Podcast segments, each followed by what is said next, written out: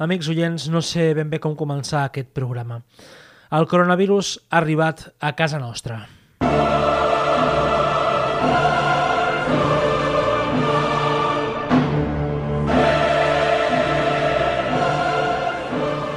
fet, hem de lamentar nous casos a la demarcació i concretament al Baix Camp. Es tracta dels nostres companys de La Plaça, el programa de BX Ràdio que s'han vist afectats per aquest virus. De fet, s'ha detectat un nou símptoma, desconegut fins ara, una afectació a la parla provocada segurament per algun deliri relacionat amb el virus. Tenim en exclusiva un arxiu d'àudio que ens confirma aquesta trista situació. No volia posar-lo, però crec que el periodisme ha de regnar per sobre de tot i la societat ho ha de saber. Paula Jansá, Eric Rosique, perdoneu, però el món ho ha de saber. Que porque un hombre le trago mal, esa dura y abusa, se casa de... Puya, puya, ahora sé ella quien los usa. Que porque un hombre le pagó mal, ya no se le ve sentimental. Dice que por otro más no llora, no però si le ponen la... Un document realment esfereïdor que espero que serveixi per a que els ciutadans es quedin a casa. Fonoll! Que no pareu de sortir al carrer per tonteries. Quedeu-vos a casa. A casa! No sortiu! No sé què coi feu que, que, que sortiu de casa. No, no sé què no enteneu del concepte. No sortiu de casa. Maix, fora! Fuig! A la madriguera! Coll, ja!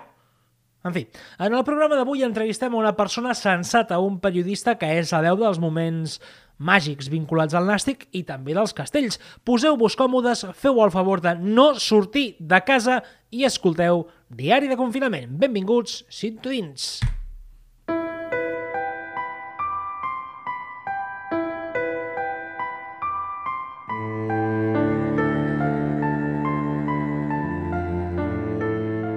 Són dies de confinament. Estem tancats a casa i no tenim clar com anirà tot plegat. El govern ens diu que ens quedem a casa, que és l'única forma d'acabar amb l'expansió d'aquest coronavirus. Sabeu quin és el mitjà que en casos de guerra i confinament sempre ha estat amb vosaltres? Correcte, la ràdio. Amiga en la solitud i companya en les tenebres, la ràdio sempre ha estat amb nosaltres en els moments més durs i tensos de la nostra vida. El 23F, els atemptats de l'11M, l'agost del 2017, el Penal, Catura Reina, el l'Ucamp Múrcia, els Jocs Mediterranis Tarragona 2018, sempre la ràdio ha estat present.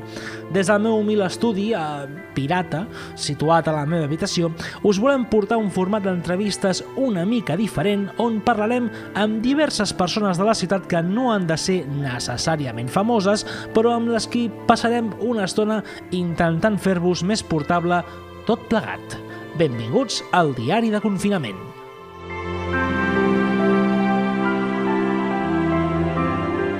Colors que tenyeixen de joia, uns colors que ens porten il·lusions, que ens fan viure viure l'esport i la glòria amb l'orgull a totes les seccions.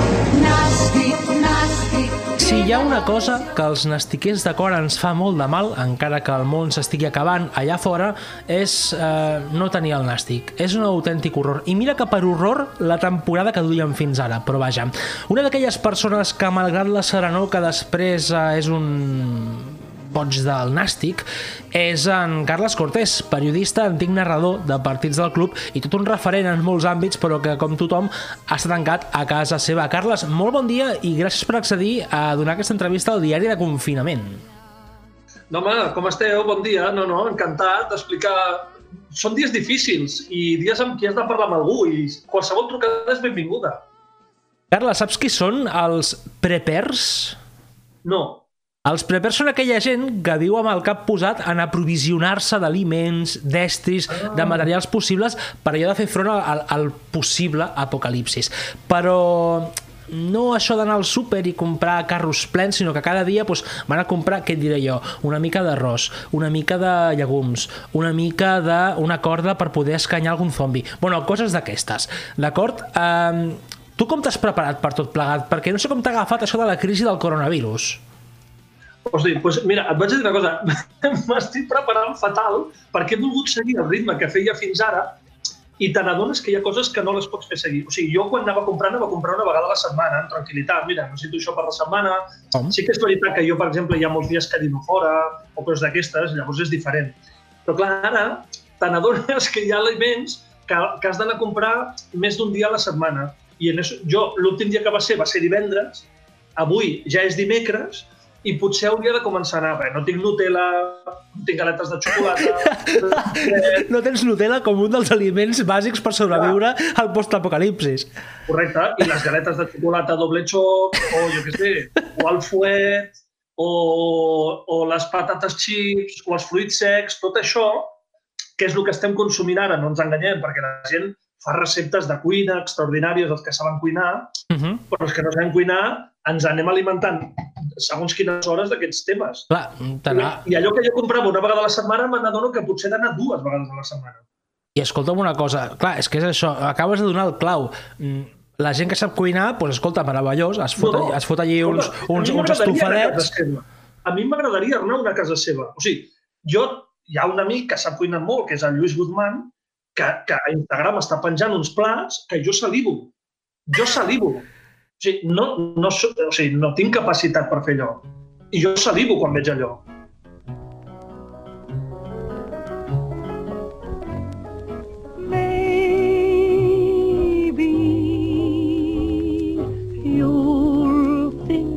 Of me when Hem de dir una cosa, Carles, ens ha costat molt en aquesta entrevista perquè tu també estàs amagat en un búnquer secret Sí. per escapar d'aquesta bogeria que estem vivint als carrers de Tarragona i també, evidentment, d'arreu del país. Has demanat que no mostréssim en cap moment on ets, ho entenem perfectament perquè en ares del bon periodisme hem de respectar aquesta decisió, però m'agradaria saber quantes persones o éssers vius esteu vivint en el teu refugi. Jo, Tu sol. sí, sí, I escolta, correcte. Per això et dic que s'agraeixen les trucades. Vull dir, qualsevol trucada, missatge, et, et relaciona amb la vida. Més enllà de mirar pel balcó, que tampoc no els hi diré res als veïns del davant. Clar, clar. Vull dir, jo no sóc de tocar la trompeta, no, això, no, no, no tinc molta relació amb els veïns del davant.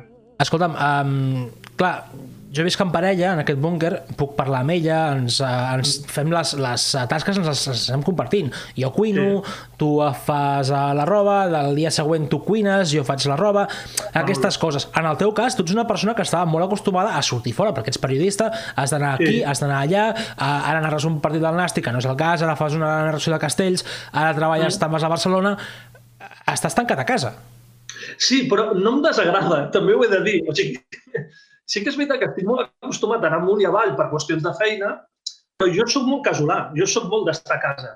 El que passa és que sempre hi ha un punt intermig entre ser casolà o estar sempre fora. O sigui, hi ha un punt intermig on també t'agradaria, no sé, doncs, respirar una mica aire pur i això. M'estic plantejant anar a comprar avui com a gran repte del dia i, i és això que em civilitzarà, ho reconec. Però a mi no em desagrada, eh, estar a casa, perquè sempre tinc alguna cosa a fer, sempre. Moltes vegades relacionat amb la feina, d'altres amb l'oci, com veure sèries o pel·lis o coses d'aquestes, o Ah. programes, o coses, o coses que, que fa anys que s'han fet a la tele. Però a mi no em desagrada estar a casa, eh? He de reconèixer que no em desagrada. Tot i que, insisteixo, hi ha un terme mig, eh? Entre que m'agradi estar a casa, que sigui casolà, i estar confinat durant 15 dies. Hi ha una, hi ha una diferència, eh? Una diferència. Sí, sí, jo...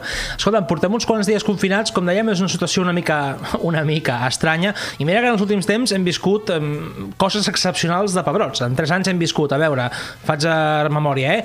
Atemptats, eleccions, referèndums amb molta policia, uns Jocs Mediterranis, tres salvacions del Nàstic in extremis i un descens. I ara un virus mortal que ens amenaça amb extingir tota la humanitat. Començo a Sí. sospitar, Carles, que a algú no li caiem molt bé. No, això sí que és veritat que estan passant moltes coses, però tu estàs anant molt enrere. Aquí a casa nostra, aquí al Camp de Tarragona, Sí, bueno, clar, durant i- i sí, aquest sí. 2020 ens han passat en tres mesos coses que, home, sí que alguna vegada havien passat, però és que se'ns estan concentrant totes.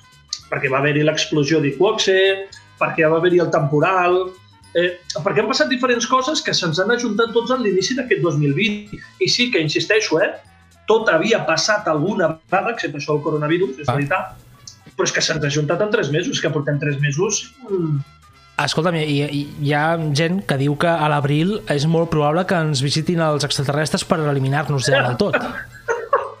és, no, ens falta això, és possible. Seria molt bo, eh?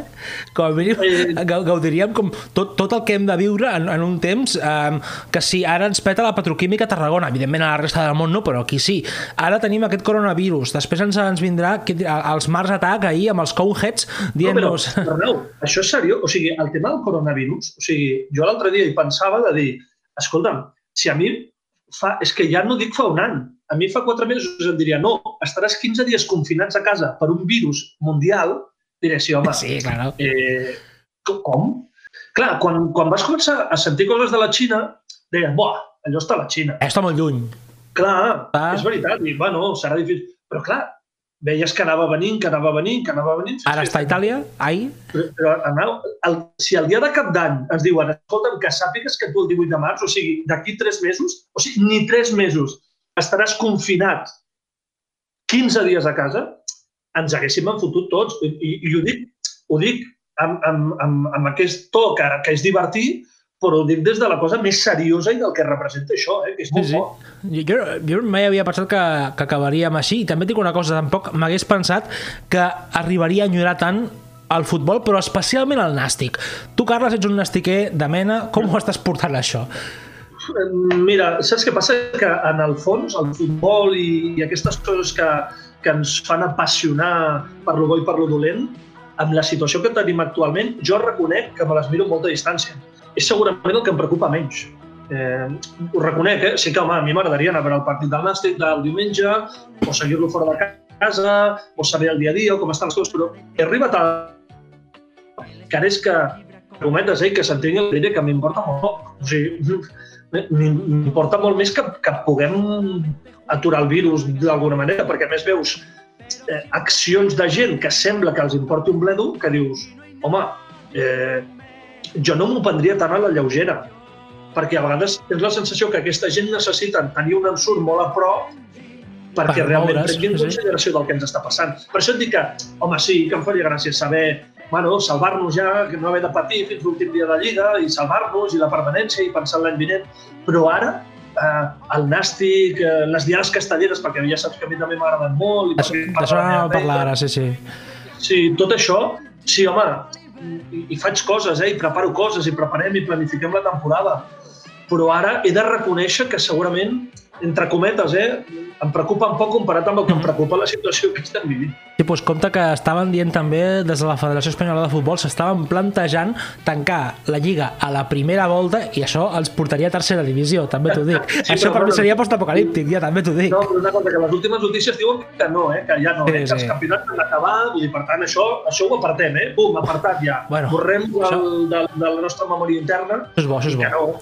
I, I, per exemple, amb això del futbol i tal, si es pot reprendre la vida amb naturalitat i normalitat el més aviat possible, que jo crec que passarà, que és una evidència que passarà, doncs mira, que si tenim futbol al juny i al juliol, que no teníem previst tenir futbol així més pròxim de, de categories nostres més enllà de l'Eurocopa, doncs mira, millor.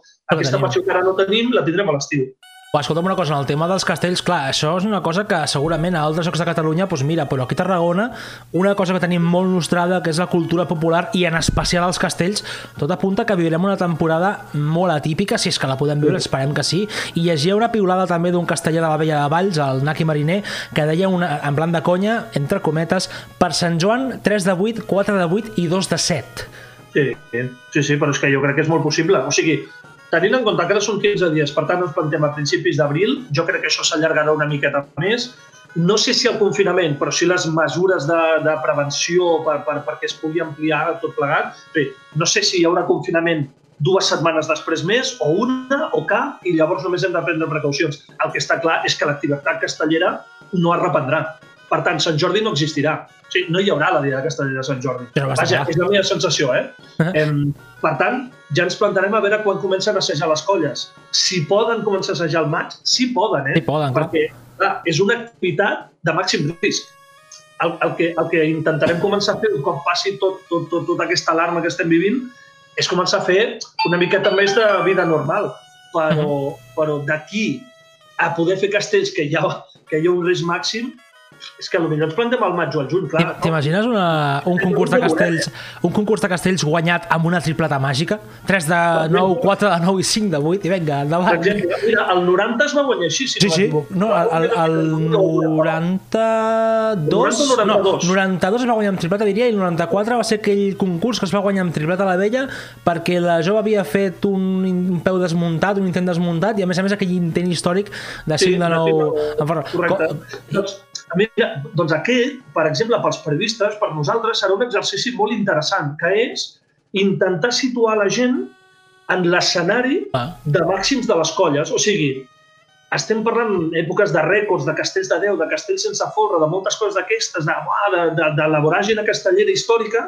Val, doncs ara hem d'intentar situar-nos que s'entengui, eh? com si estiguéssim al 1990 o al 92, intentar transportar-nos allà i que veure una tripleta en segons quins moments, com per exemple un concurs de castells, si fos això, que jo crec que tampoc serà això, doncs és un exercici molt interessant i didàctic per nosaltres, pels periodistes. T'ho imagina't un historiador de l'any 2087, un Enric Pujol Cayuela sènior, ai, júnior, júnior, júnior, júnior, júnior, que comença a mirar les dades i veu el 2019 les dues colles de Valls fan per Sant Úrsula el 3 de 9 sense folre.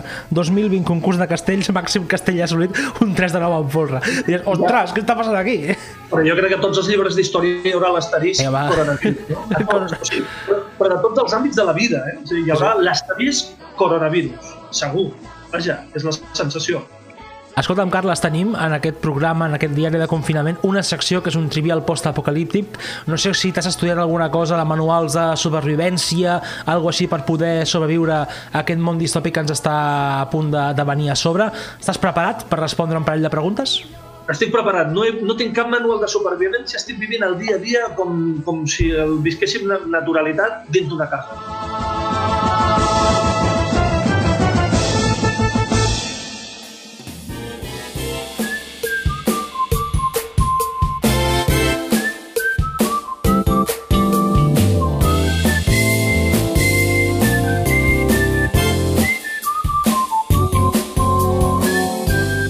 Doncs vinga, va, comencem. Tu i un grup de persones heu sobreviscut al brot de coronavirus que finalment s'ha endut pel davant, atenció, un 90% de la població mundial. Això vol dir que les línies de subministres s'han reduït a la mínima expressió i només podeu aconseguir material de forma ràpida assaltant supermercats. Heu decidit, els vostres companys i tu, anar per un. Què agafeu primer? Opcions. A. Menjar en conserva perquè duri més, sardines, eh, sardines i, i, i tonyina. Eh, opció B. Llegums secs per poder-los plantar i tenir així una producció de menjar sostenible. O opció C. Rotllos i rotllos de paper higiènic pel que pugui passar. Hòstia, T'he agafat ara, eh? aquesta pregunta és molt difícil. Jo crec que faria la 1, almenys poder menjar avui, demà ja veuré què fem. Doncs vinga, t'apunto la A, menjar en conserva, però he de dir que és errònia, és la C, rotllos i rotllos de paper, de paper higiènic pel que pugui passar. És Perquè important... també es poden menjar el paper, o sigui, el paper... O sigui, Posa, sí, sí. Si has de necessitat de gana, el paper no sentaria malament, interpreto. No, no, Bueno, no, tu el pots menjar, tu el pots consumir i el teu cos el digereix. Ara t'aportarà zero calories, però bueno, per Clar. poder pots. A més, jo, jo tenia un Clar, amic clar, que, que es fotia, com es diu, um, es fotia les típiques, els papers aquests de, del bar, no aquells que són de plàstic que, que no netegen, sinó els papers normals i corrents, i escolta, ell sobrevivia així, eh? Fotia cervesa i endavant. Ja. Segona pregunta. Tot sembla indicar que estem a prop de viure, com dèiem, una autèntica extinció de la raça humana, però també, com dèiem abans, segur que sobreviu el 10% de la població. Ara bé, quin d'aquests tarragonins il·lustres consideres que seria més útil arribar a tal cas d'erigir-se com a líder de la nova Tarragona? Opció A, Alejandro Fernández. Opció B, el senyor Boada i els seus entrepans. O opció C, Agustí Mallol. Home, per una qüestió de gastronomia, el senyor Boada, no? O sigui, perquè li demanaríem, escolti'm, foti'ns uns entrepans, un... o sigui, no sé d'on trauria el material, però per una qüestió de supervivència de, de, de, de menjar, de gastronòmic, eh? Sí, Claríssim. doncs correcte, és el, el senyor Boada i els seus entrepans, correctíssima la segona pregunta, molt bé per haver-ho encertat, tot i que Agustí Mallol també ens convertiria en la capital del món, com ell acostuma a dir, però Ja. bueno, això ja són coses d'aquest bon home que algun dia el Però saps, tindrem... és, és això, però jo intento viure el dia a dia. Fixa't que la primera he parlat del que puc menjar avui. O sigui, jo si puc menjar la tonyina avui, o unes sardinetes en llauna, doncs les menjaré. Demà ja mirarem. Doncs el mateix. Si el senyor Wada ens pot fer uns entrepans diàriament, doncs escolta, viurem d'entrepans. Això que guanyem, no? Clar, Última pregunta d'aquest trivial postapocalíptic en aquest futur distòpic per potencialment realista que, que pot ser. Quina d'aquestes armes tarragonines faries servir abans per defensar-te de possibles assaltants? A. Una arma de foc reglamentària manllevada de la comissaria de la Guàrdia Urbana de Tarragona. B. El bastó de ferro de l'escultura de l'avi Virgili de la Rambla Nova. O C. El llibre dels 125 anys d'història del nàstic escrit pel periodista Enric Pujol Cayuelas. Per defensar-me, eh? Sí, sí, per defensar-te, no per una atacar.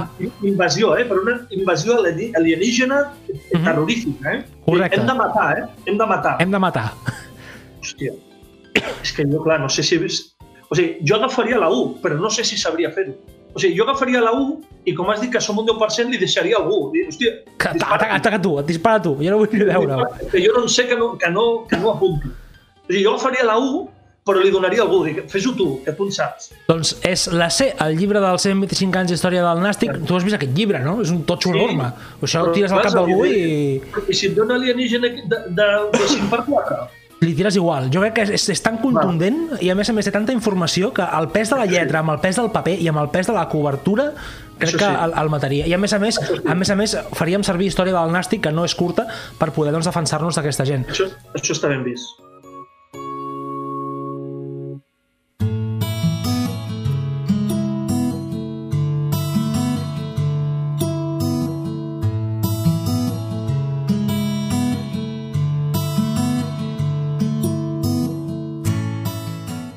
Carles, abans d'acabar aquesta entrevista, necessito que intentis eh, donar suport als nostres oients amb quatre recomanacions. Quina pel·lícula, no sé si... Quina pel·lícula ens recomanaries per passar aquests dies? Bueno, jo sóc un clàssic, eh, del cinema. Avant, eh, millor, escolta'm, s'ha repassar els jo, clàssics. sí, jo, jo recomano tres trilogies. Epa, Bueno, trilogies o tre, tres, tres nissagues de pel·lícules, que són, per mi, les millors pel·lícules de la història del cinema. Sempre ho he dit, eh? no, no me n'amago. Eh? Regreso al futuro, Indiana Jones, Rocky. i punto. Meravellós. Sí, sí. O sigui, tu pensa que Rocky em sembla que eren 6 o 7 ja, Sí, sí. Indiana Jones crec que són 4 també, i, i, i Regreso al futur són 3, però aquí tens per estona. Tenim cada dia una pel·lícula i si sortim de la quarantena en vida, doncs escolta'm, ja tenim, mm, anem ben, ben culturitzats. M'ha agradat molt eh, aquesta recomanació, Carles, t'ho de dir. Escolta'm, un Jo llibre... de Regreso al futuro eh, tinc greus problemes de vegades quan les miro perquè em sé els diàlegs, i llavors això és horrorós. és el pitjor que pot passar en una pel·lícula. Això em passa a mi de més rec, imagina't. Clar, els diàlegs, és, és molt fotut saber-se els diàlegs de les pel·lícules. Molt greu. Sí. Carles, un, un llibre. No sé si ens podries aconsellar un llibre, alguna coseta per llegir una mica, perquè no tots seran pel·lícules. Un llibre, eh, a veure, últim, va, un d'aquests que m'hagi llegit últimament o, o, o que tingui en previsió de llegir-me. No, mira, saps, mira, l'altre dia me'l mirava per rellegir-lo, que ja l'he llegit, eh? Um, jo, ara, perquè me l'estimava molt, perquè va ser una de les persones que més em va ensenyar, que més em va ajudar, que més em va guiar, em rellegiria alguns dels llibres del Fermí Morera, que eren expedicions alpinístiques de, de expedicions tarragonines. Eh, em va fer dos, un a l'Everest, eh, potser el de l'Everest em recuperaria. Compte que estàs recomanant un llibre d'un senyor que fa expedicions i estem tancats a casa. Sí, correcte, és Per, per, veritat. per, no, no, no, però, però per, per tenir la imatge de sortir al carrer i veure una miqueta més de vida. Per- per- M'agrada. sí, Sí, perquè l'expedició ho expliquen tot. De, de, de, un, era, un era a l'Anapurna i l'altre al- a l'Everest. Sí, doncs escolta, aquesta també ens l'apuntem. Aquests llibres, a més, per, per la figura del Fermí Morera, qui m'estimava moltíssim. Ja. Un grup de música o una cançó? Uh, ja, vaig a fer una petició pública. O sigui, el que diré ara, la gent dirà, què diu aquest tio? Eh, ja, jo ho sé. O sigui, jo sóc molt raro amb la música, molt raro. Jo veig el concert d'any nou de Viena, però Ah, m'agrada uh, barricada, escoltar barricada. Val? Ostres, des de la marxa Radetzky a Barricada, déu nhi Correcte, però m'agrada escoltar la música dels Pets i m'agrada d'un candó. Vale? I o sigui, o sigui no, no tinc criteri musical. Val? No, no tinc criteri musical. Val. Llavors, com ara vist que s'han posat de moda els concerts per Instagram, reclamo a dues cantants del país que facin un duet. Ep, qui són aquestes cantants? Una és de casa nostra, nostra, de Tarragona ciutat, que és Anna Dibori, Uh -huh. que s'ajunti fent un duets amb Su. Ostres! Ojo, el que, el que pot sortir d'aquí, eh? Sí, m'agradaria molt escoltar-les les dues. O un concert un darrere l'altre. O sigui, comença un i acaba l'altre. 20 minuts i 20 minuts, va. Que, ens, que 40 minuts de la nostra vida, confinada, les dediquem a escoltar un concert d'Anna Dibori i de Su. T'agafo aquesta petició i la farem arribar per xarxes socials perquè em sembla que d'aquí pot sortir alguna molt divertit, eh? Sí, a banda de, de molta gent que em criticarà els meus costos musicals, ho sé, Bueno, ja que, ho sé, però, escolta, a mi m'agrada també José Luis Perales. Clar. Vull dir, sí, o sigui, ja, bueno, perquè a mi m'agrada escoltar música. Jo escol- jo escolto- crec que la música, sí, jo crec que la música l'hem d'escoltar tota. Llavors, n'hi ha que t'agradarà més i n'hi ha que t'agradarà menys. Uh -huh. Però a mi la música m'agrada escoltar-la tota. Sí, sí. Tota. Jo és que puc anar des de rock psicodèlic fins a Nino Bravo, eh? O sigui, jo també Sí, sóc així d'aquest d'aquest Això com tu. la gent ens ho critica. Ostres, com... No, m'agrada d'un candú. Doncs sí, m'agrada, perquè quan era jove a mi m'agradava d'un candú, no passa res. Però també m'agraden grups actuals que, que, que rasquen molt més la guitarra. Sí, clar, és la gràcia. Escolta'm, Carles, l'última recomanació que ens faràs avui, si pots. Clar, m'has dit que tu no cuinaves, però alguna recepta o producte per menjar aquests dies? No. o sigui, no puc... O sigui, un biquini, fes-te un biquini amb una sandwitxera. És de al matí. Després del cafè llet, abans del cafè llet, quan vull, calentonet, bo, un biquini. Casolà, eh? Amb la sandwitxera de casa. Clar, clar, no allà a sí. agafar un sàndwich d'aquests precuinats i te'ls ficaran... No serem tan cutres, vull dir... O, no sé, un vermut al migdia, unes olivetes, una miqueta de fuet, uns taquitos de formatge i ben acompanyats amb el que vulguis. Vinga, això t'ho compro. Va, un vermutet farem. Un vermutet sí que Va. ens agafem. I amb aquesta recomanació, Carles, arribem al final d'aquesta entrevista del diari de confinament. Carles Cortés, periodista i tarragoní de mena. Gràcies per estar amb nosaltres. Esperem que puguis sobreviure a aquest, uh, aquest confinament al teu búnquer situat en un lloc super secret d'aquesta ciutat o no. I que vagi molt bé. Merci per tot.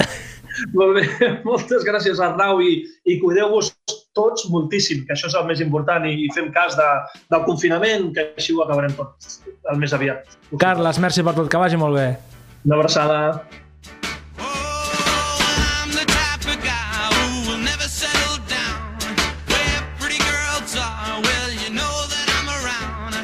En Carles, ja ho veieu, una persona d'ordre i directa i no vol amagar mai el seu somriure i s'ho pren tot en filosofia encara que estigui tancat en el seu búnquer hipersecret.